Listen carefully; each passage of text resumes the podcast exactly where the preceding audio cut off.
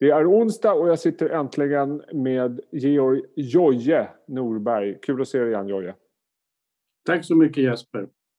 Du, eh, mycket kul att snacka med dig om. Jag tänkte vi börjar liksom bara gå, slänger oss rätt in det här med, med börsen. Då. Vad är din syn på börsen just nu? Jag, jag ställer en sån enkel fråga. Var befinner vi oss någonstans? Ja, ja det är förstås Eller en enkel. enkel är den ju inte. Frågan är enkel och svaret är svårt. Just det. Nej, alltså ja, det här märkliga pandemiåret som vi nu har genomlidit ganska precis då har ju inneburit enormt stora svängningar på börsen förstås. Och där vi just nu befinner oss på, eh, lite överraskande, då, all time high. Trots att då pandemin eh, är inne i 2.0, eller nu talar man ju om den tredje vågen.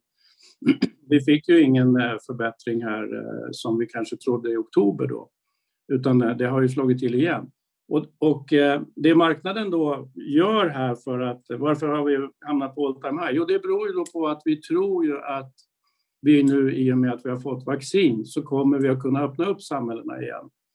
Sen är det ju också så, eh, lyckligtvis får vi väl säga, att väldigt eh, stor del av börsens bolag har ju klarat det här helt fantastiskt sett till att vinsterna har inte alls urholkats på det vis som man kanske fruktade 21 mars förra året när börsen bottnade eller någonting sådant.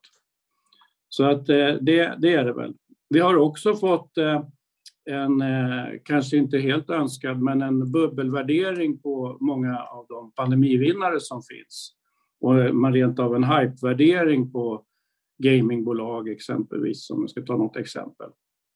Eh, också på givetvis då techbolag. Techbubbla kan man väl kanske lite grann prata om.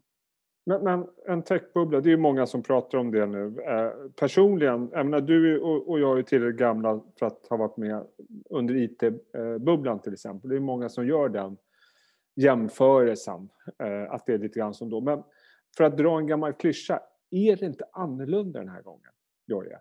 Med tanke på ja. hur bolagen ser ut, techbolagen mitt, ser ut idag jämfört svar, med då. Ja, mitt svar då, det blir nej, Tyvärr. Det krävdes okay. tydligen 20 år, en halv generation, för att vi skulle glömma bort vad som hände 2000. Och här kan jag komma med en liten rekommendation. Mm. Rimligen finns det på SVT Play kvar ett program som heter Internetbubblan. Och jag råkade se det där programmet. Och nu var det ju så att jag var ju förstås väldigt aktiv under de där åren, sett till att jag förvaltade pengar även på den tiden. Precis som nu så avhöll vi oss då ifrån att investera i i Framfab, Icon Media Lab och eh, så vidare. Då. Vi hade inga sådana aktier. Jag kan aldrig glömma eh, när då Swedbank ville sätta Framfab på börsen, eller om det nu var det borde jag tror det. 60 kronor ville de ha i den här IPOn och vi satt och räknade och vi kom fram till att vi kunde väl betala 25 spänn för det där bolaget. Så vi avstod, var på kursen när den började handlas omedelbart gick upp till 200 och sen bara fortsatte det. Mm. Och då är det klart att man tittar sig i spegeln och tänker så här. vad är det vi inte fattar? Vad har vi gjort för fel? Ja, felet var ju att vi inte tecknade en IPO, för vi skulle ju ha tecknat i den här hypen då. Men eh, vi avstod det och sen, eh, vi kom aldrig in så att säga. Och när jag såg det här programmet då spelades allting upp. Vi var intervjuer med Johan Stahl von Holst och så vidare. Och det är exakt samma sak som händer nu. Exakt samma sak. Det är bara andra namn på bolagen. Men, men ändå, eh, jag kan väl tycka att likheten med den tiden är väl kanske snarare retoriken och eh, retailflödena. Men om man tittar på dagens techbolag, många av dem, alltså e-handelsmarknaden är konsumenterna mogna för idag. Eh, digitaliseringen är ju inte en fluga, den, den kommer pågå. Vi har tillväxter i kombination med starka vinsttillväxter, vilket vi inte hade då. Så mm. det, det, är så ja, jag menar, att det finns ja. en väldigt stor skillnad. Ja, nej, jag vill ju inte hävda att, att, eh, att Amazon, Google och eh, Apple är, är techbubblebolag. Det är de inte. Värderingarna är höga, men de ja, har absolut. balansräkningar och de har en monopolställning. Så att nu, visst, de finns där. Fangbolagen, de finns där. Men sen så finns det också en massa andra bolag ja. som eh, inte har någon balansräkning eller intjäning. Det finns fintechbolag som har åsätts enorma multiplar. Vi kan ju ta det här svenska exemplet med för övrigt en mycket sympatisk grundare som heter Simirkovsky då, Klarna. Jag uttalar nog hans namn fel. Men han gjorde ett väldigt trevligt intryck i eh, det här eh, Carina Bergfeldts program så att jag känner stor sympati för honom som person. Men vad har han lyckats med då? Ja, han har byggt ett, ett fintechbolag som ägnar sig åt betalningsförmedling i form av fakturering och, man, och kryssar man fel där så får man ett lån och det är liksom affärsmodellen. Han vill ju flytta sig in vidare och så vidare. Ja, hur som helst, de har stor tillväxt, många kunder, men de tjänar absolut inga pengar och har aldrig gjort. Och bolaget värderas till 250 miljarder. Det är ju en klockren eh, bubbla, förstås. Mm. Ja, jag, jag, jag, håller med att det finns likheter, men jag, jag, känner väl ändå på något sätt att nu kan jag inte Klarna i detalj, men marknaden finns ju där. Det finns ju ja. förutsättningar för att det här faktiskt ska bli ett vinstgivande bolag. Marknaden kanske inte riktigt fanns när Framfab och Ikon, eller den fanns, men den Nej, var det är klart. långt i framtiden. Det, det är klart att det är en avsevärd eh, skillnad. Vi har ju flyttat oss 20 år framåt och vi har fått den här tekniken nu och det går att tjäna pengar på den, absolut. Men sen de likheter som också finns, det är den här privatkollektivet. Det är enormt. Alla pratar aktier nu. Nu ja, är vi tillbaka. Ja, där är vi tillbaka. Dessutom så har vi ju då som extra boost till det här, vilket vi inte hade då. Vi har ingen ränta. Så det mm. finns ingen ränta, det finns ingen avkastning, riskfri avkastning finns inte. Alltså så pengar kommer till börsen. Så det finns många bolag som handlas i P-tal 100. Och 100 i P-tal, det betyder alltså 100 års vinster. Du får ha jävla bra tillväxt för att du ska kunna motivera ett sådant P-tal. Och som du och jag vet, inga träd växer ju till himlen. Rätt vad det är så händer det någonting. Och det är rätt mycket disruptiva saker som händer också. Mm. Det är klart att Amazon är kvar. Det, kommer ju, det, är, det är ett bolag som det kommer vi att få leva med och det kommer finnas när vi dör också. Däremot kan ju värderingen från och till vara för hög. Men just nu så har ju då en hel skock med bolag i kölvattnet av de här då framgångsrika eh, fått värderingar som är, är helt hiskeliga. Så att jag tycker att det finns jättestora likheter. Men säg så här, jag vet inte allt. Men titta på det här programmet. Ja. Oh, jag, de, som inte, de som inte var med jag, kan jag, väl titta. Jag har sett det och jag tyckte det var en, eh, en bra påminnelse. Du, du mm. nämnde räntan. Ja. Eh, och det är ju liksom annars det stora temaordet, det är ju ränta och inflation och eh, dessutom uppbackat nu av finanspolitiska eh, stimulanser och så vidare. Så att det, det, det liksom fortsätter ju liksom tryckas in eh, kapital i den här marknaden som, som kan driva upp det här ytterligare. Men det, det jag tänkt lite grann på, det kanske du kan svara på, liksom, var, var vi befinner oss i den cykeln. För att nu när konjunkturen vänder, det kommer då finanspolitiska stimulanser och så vidare vad händer egentligen om kan centralbankerna bara säga att äh, nu har vi gjort vårt. Nu låter vi marknadskrafterna ta över igen. Skulle inte det vara ett mm. ännu större experiment? Ja, förmodligen skulle det vara det. Nej, det, det är ju då förstås en, en utveckling som vi inte kommer att få se just därför att de inte törs. Mm. Men jag ser lite på det på det här viset att om vi tittar på inflation så tycker jag att där har vi förklaringen i att Kina Eh, uppstod och under 30 års tid har exporterat deflation till västvärlden. De har tagit över våra fabriker som har gjort att vi har fått en högre arbetslöshet. Eh, det har de ägnat sig åt under 30 års tid. Men nu har Kina blivit så stort så att nu kan man ju inte säga att det är en emerging market längre, vilket eh, tydligen Nordpo, vad heter de här, Postverket tycker att det är det som har extra lågt porto där till Kina. Den är lite märklig, men det är ingen emerging market. Alltså de är har ju fått en medelklass, de har fått en överklass, de har eh, eh, eh, fått en löneinflation. De har högre löner. Det är till och med så nu att vissa svenska företag tittar på att flytta hem ifrån Kina därför att det är eh, priset man får betala är ju långa ledtider och så vidare. Så att Kina kommer kanske då inte att exportera deflation till oss längre. Det räcker kanske med att de, att de lägger sig noll, så att säga. Vi får väl se vad den här containerbristen och allt det här innebär med priserna.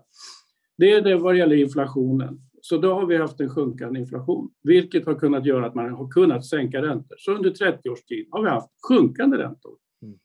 Det som hände 2008 med finanskrisen när hela det finansiella systemet höll på att frysa, det var att centralbankerna agerade då med den nya idén, experimentet. Vi, vi flödar på med pengar. Man brukar ju säga att Riksbanken äger den korta räntan. Men marknaden äger den långa räntan. Men man satte det ur spel genom att man började köpa långa obligationer. ECB har ju till och med köpt företagsobligationer. Så att man har tryckt ner yieldkurvan till att bli ett rakt streck runt nollan. Eh, ser ut som EKG av en avliden. Och, och det där är lite läskigt för att då har man ju satt marknadskrafterna ur spel. Vad ska då hända framåt? Ja, kan det bli någon inflation? Kan centralbankerna ändra den här politiken? Ja, jag tror att man hade tänkt ändra på den här politiken. Men då fick vi ju då den här pandemin och då kör man samma medicin en gång till, fast med ännu högre dos. Vi kan ju göra jämförelse med Japan som ser ut som en 40-årig heroinpundare med doping. Alltså, det är ju helt galet. De har fortfarande inte fått igång någonting. Så att, kan det då bli någon förändring av det här? Ja, rimligen eh, mm. så kommer ju till slut sedelpressarna att ta ut sin rätt över det här. Det måste ju på något sätt komma inflation ur att man trycker så mycket pengar. Något annat kan jag inte begripa. Mm. Än så länge har centralbankerna greppet om det här. Någonting som vi kunde beröra i den här bitcoin som har seglat upp som någon slags inflationsskydd. Mm. För det är inte så att det bara är vi lite äldre som känner till att det finns något som heter ränta som är oroade över den här utvecklingen, utan det är ju många. Så att man vill ju på något sätt kanske då hedga sig mot inflation. Ja, nu kommer vi lite från ämnet där. Men eh, centralbanken... Ja, kör. Jag vet att det är ditt, eh, bitcoin är en av dina favoritämnen. Så att, eh, ja, det är en favorit. Nej, så att den här politiken fortsätter ju rimligen. Idag klockan 19 så kommer Fed med en uttalande och här är ju alla på tårna. Hur ska de då kommunicera att de inte ska göra någonting? På vilket sätt? Vi har ju sett en rörelse i tioåringen i USA. Den är uppe på 1,60. Det är inte någon vidare ränta, men det är ju ändå så att den har gått upp då från ingenting till 1,60. Så det är klart att i, den, i det perspektivet. Många funderar ju på när kan räntan så att säga börja ha betydelse igen? Ja, då finns det vissa som tog 2 procent. Det, det, det, anybody's guess. Men att räntan har börjat vakna till.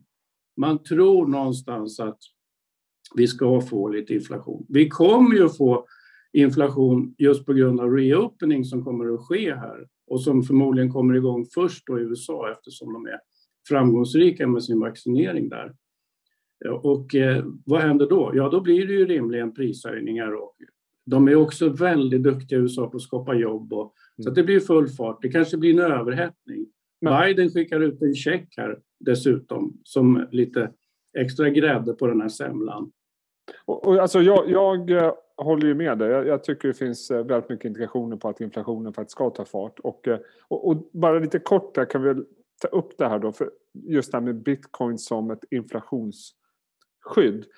Och jag är inte helt främmande för att det faktiskt kommer funka som det också. Eh, om man mm. utgår från, nu, nu är vi i Sverige i liksom kanske fel marknad att värdesätta bitcoin som ett inflationsskydd med tanke på att vi egentligen aldrig haft det problemet i det här landet med inflation. Men det finns ju länder med ja. inflationsnivåer där det inte ens går att handla vanliga valutor. De nästan tvingas in i krypto. Jag ska väl börja med att det här är väl ungefär 50-50 här vad det gäller mm. vem som tror och man inte tror eller på det här. Företeelsen bitcoin. Och jag måste väl då meddela att jag tillhör den gruppen som jag anser att det här är ett sofistikerat pyramidspel. Mm. Jag tror inte att det här är den, är den företeelse som, som så att säga kan ersätta eh, andra mera beprövade inflationsskydd. Men eh, låt oss se då. Vad jag tror har hänt är dock att den här, den här företeelsen, den här algoritmen och den här begränsade mängden av eh, bitcoin som då finns. 21 miljoner ska det bli och det finns 18 nu. Man kan bryta fram några. Det påminner lite om guld. Det kallas ju för att mina. Eh, dock är det väldigt hög elförbrukning i den där miningen har vi fått lära oss. Att, så att nu är det, motsvarar ju nästan Sveriges elförbrukning. Och det kan man ju förstå att eh, det är många som är intresserade av det här med tanke på att kan du få fram en sån där bitcoin så är den ju värd 60 000 dollar. Det är ju alltså, hyfsade pengar. Ja. Varför blev det så här? Ja, men jag ja. tror att det här är en funktion av hur marknaden i övrigt är. Så privatpersoner har kastats in i den här rörelsen. Det finns en rörelse i den här som är mycket attraherande. Det går att tjäna pengar och då, då blir människor galna och det har man blivit här. Så att man har då kastat sig in i den här begränsade mängden och fått den här prisutvecklingen. Mm. Så man handlar i den här rörelsen. Så finns det de då som säger så här, ja, ja, men nu har ju Elon Musk investerat. Jo, det är klart att han investerar, för han är ju en rebell. Han tycker ju om att utmana på alla områden. Och sedan finns det då en, en seriös aktör här, Röcke. Aker. Varför har han investerat? det tror jag har mycket med enklare förklaring. I hans fall så tror jag det är så att Röcke, han är en slug, han är en slug fiskare i Norge. Han har gjort så jäkla mycket bra affärer genom åren. Nu ser han den här företeelsen. Han har ett IT-bolag. Då köper han ett gäng eh, eh, original-bitcoin så att han får tillgång till algoritmen och sen sätter han igång och minar sådana här. Kan han få fram eh, sådana på något eh, intressant sätt så är det klart att då blir det en bra affär. Mm. Är det ett inflationsskydd? Ja, det, det, får vi ju se då. Men jag tror ju tyvärr att det inte är det. För det som jag tror händer om vi ja. får inflation, det är att de privatpersoner som har investerat i det här, de kommer att vilja sälja det här och sedan köpa någonting som har rört sig mycket i pris, någonting traditionellt. Mm. Så att det, eh, det finns liksom ingen som backar upp det här. Det ja, finns ingen balansräkning, det finns ingen, ingen fundamental uppbackning. Jag, jag tycker aktie... det här är, ja, förlåt. Eh, alltså jag, jag, tycker väl, jag, jag, har ingen aning om prissättningen på bitcoin. Jag, jag, jag kan Nej, det är ingen annan som har heller. Jag har ingen aning om den ska stå i 65 eller 10, men, men jag tycker ändå Tesla röcker och det finns andra. Det finns liksom, man pratar om banker utomlands som börjar kunna ha det i sin balansräkning och, och eh, vi vet att Visa Mastercard ser över möjligheten. det känns ändå som att bitcoin är här för att stanna. Ja, eh, på ett eller annat sätt. Absolut, jag tror att företeelsen är korrekt. Alltså att man, man, det, intresset för att ha något parallellt betalningssystem. Men där har vi också en liten avigsida med det här som jag tror att myndigheterna kommer att störa sig mycket av. I, i vår eh, värld så är, har vi fått lagen om penningtvätt och en massa regleringar. Och det har vi alla på, på ett påtagligt sätt eh, noterat då. Och eh, tyvärr är det väl så då att den här valutan används ju i kriminella syften, om man ska kalla det för valuta, men det är ju någon slags betalningsmedel ändå. Eh, väldigt mycket då. När det kommer sådana här hijacks av bolag som vi stänger av era datorer om ni inte pröjsar, då vill de ju ha bitcoin eftersom det inte går att se vem som äger det. Mm.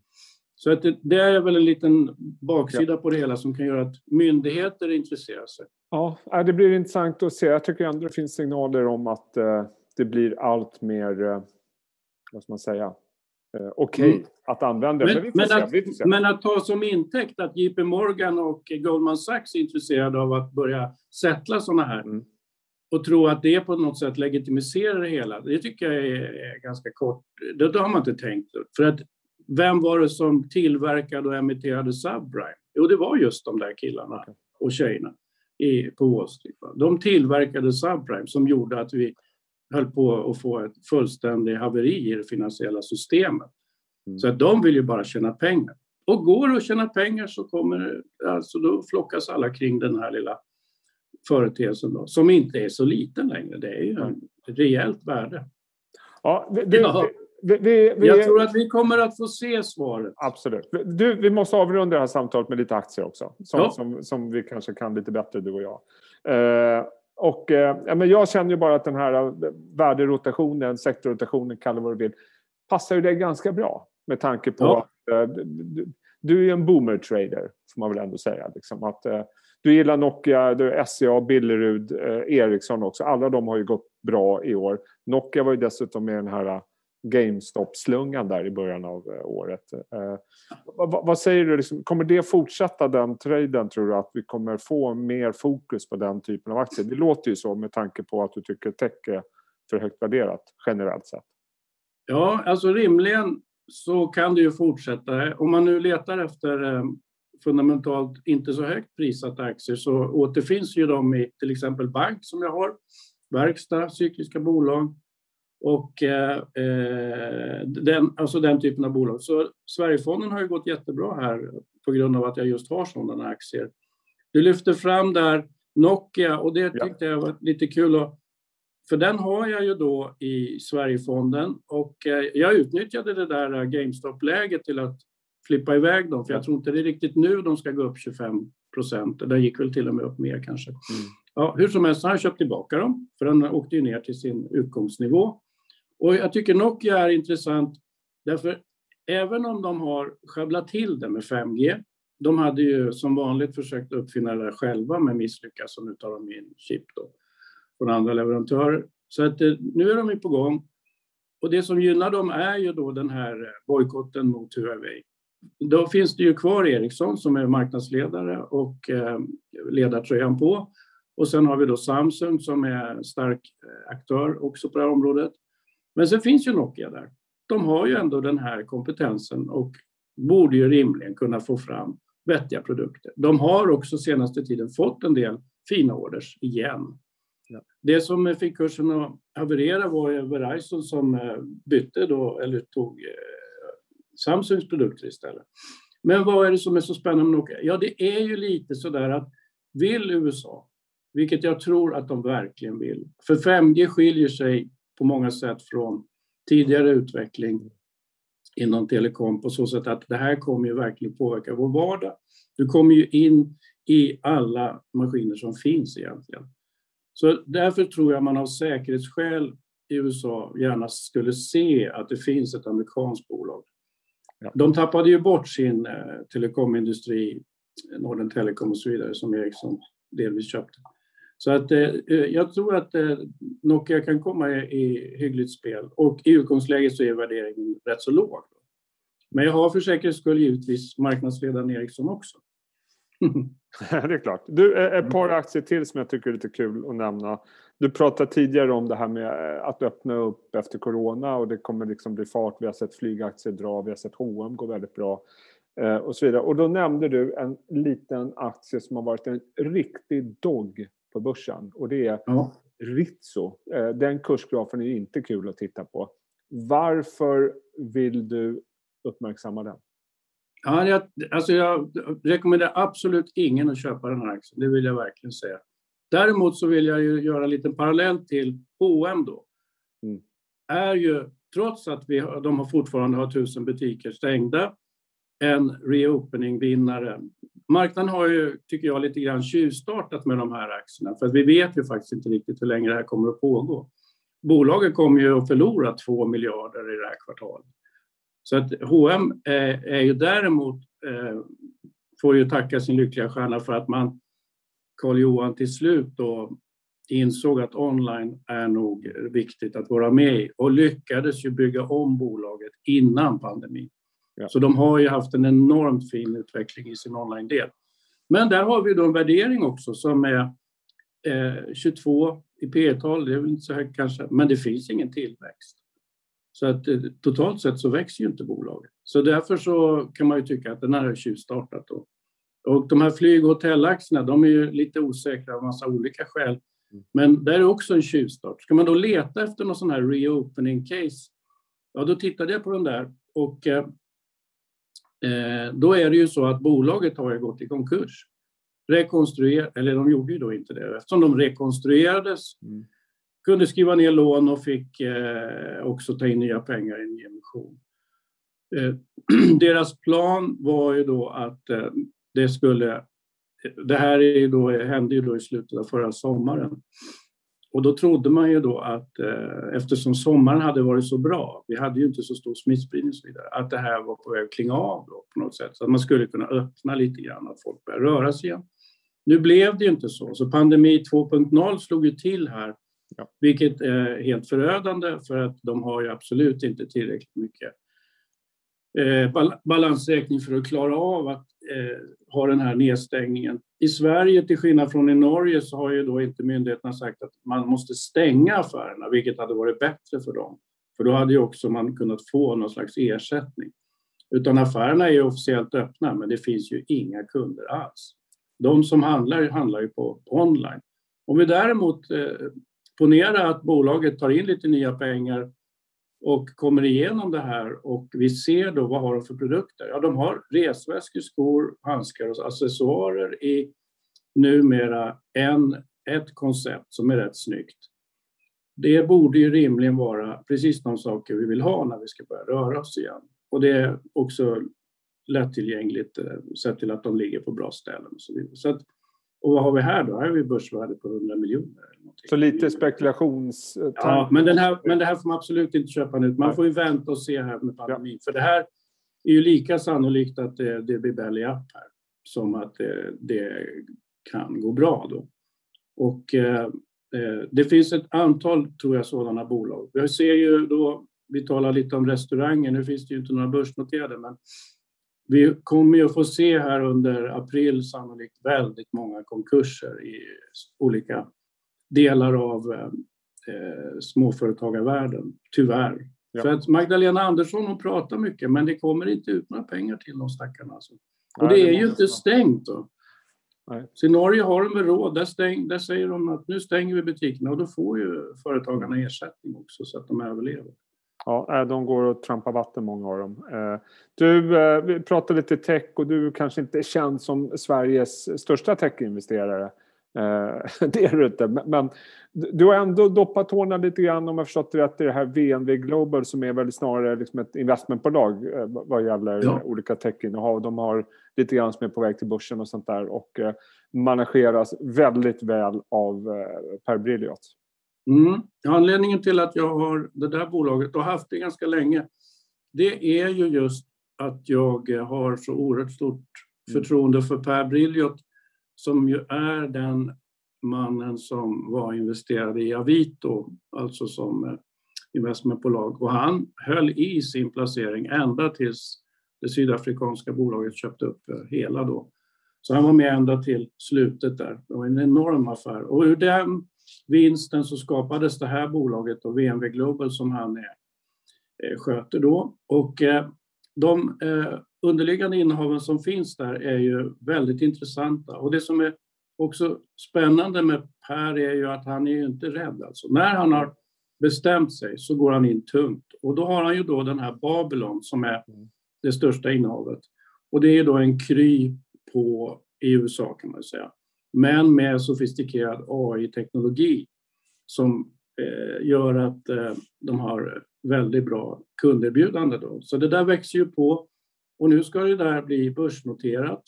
Ja. När man tittar på det här VMV så kan man ju upptäcka att den uppgivna substansen understiger ju kursen, vilket är lite ovanligt. Så det är en premie då. Men eh, om man åsätter det här Babylon ett lite högre värde som det sannolikt blir då i en börsnotering så ja, då är han ju kanske inte alls på premie utan på en rätt så hygglig rabatt. Sen har han ett annat bolag som heter BlaBlaCars som eh, nog är en lite grann pandemiförlorare kanske. Det är ju då en slags modernt sätt att lifta och det är ju då i Frankrike som det här bolaget startar upp eh, där man då kan med en app eh, hänga med och åka med någon som kör sin bil. Ja. Och appen tar hand om betalning och så vidare. Och då är man ju certifierad både som eh, eh, förare av bilen samt som passagerare då, så att man är legitimerad.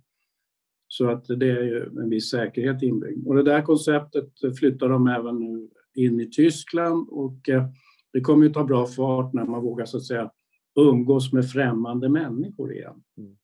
Det gör vi ju inte just nu. Men det är intressant. De har ytterligare ett antal bolag.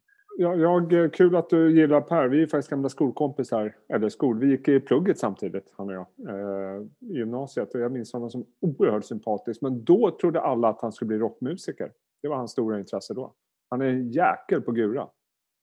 Ja, och om man är en jäkel på gura, då har man ju andra kvaliteter också. Absolut. Jag hörde talas om att eh, någon av medlemmarna i Def Leppard har lagt, startat upp en SPAC. Ja, du ser. Du ser, det är, det är nästa investering. Att gå in i SPAC-rörelsen. Men du, jag måste avsluta med att fråga, hur går det med din, uh, ditt innehav i Thunderford som fick 0,1 procent i tilldelning om jag räknar rätt? Det var ja. ju en, uh, kanske tur i oturen. Ja, det var väl en bra kurs initialt på den där. Ja, ja. att, uh, I och med den ytterst blygsamma tilldelningen så valde jag ju att flippa den då. För att jag kände inte att jag ville investera eh, i den värdering som var då. Det var inget kärninnehav? det var inget kärninnehav.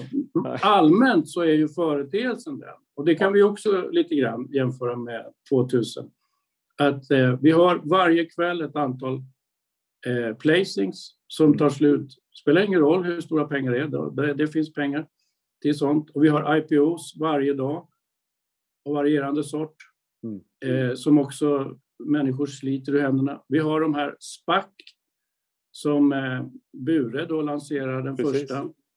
Eh, där tror jag dock att eh, det är mycket intressant. Så Bure är ett innehav. Eh, de har ett stort förtroende och har attraherat också andra investerare. Men alla de här sakerna sammantaget. Alltså är, om, vi, om vi pratar om att eh, vatten kokar vid 100 så är ju börsen på, på 102 grader. Ja, vi får se. Det blir väldigt eh, kul. Vi får ju snacka igen du och jag när vi, om ett par månader. Får vi se vad vi har landat inför sommaren. Eh, det här blev årets längsta samtal, Jojje. Eh, aj, aj, aj. det blir väldigt mycket, väldigt mycket roligt att lyssna på. Du, eh, ha en fortsatt eh, bra vecka så hörs vi igen där innan sommaren eh, föreslår jag.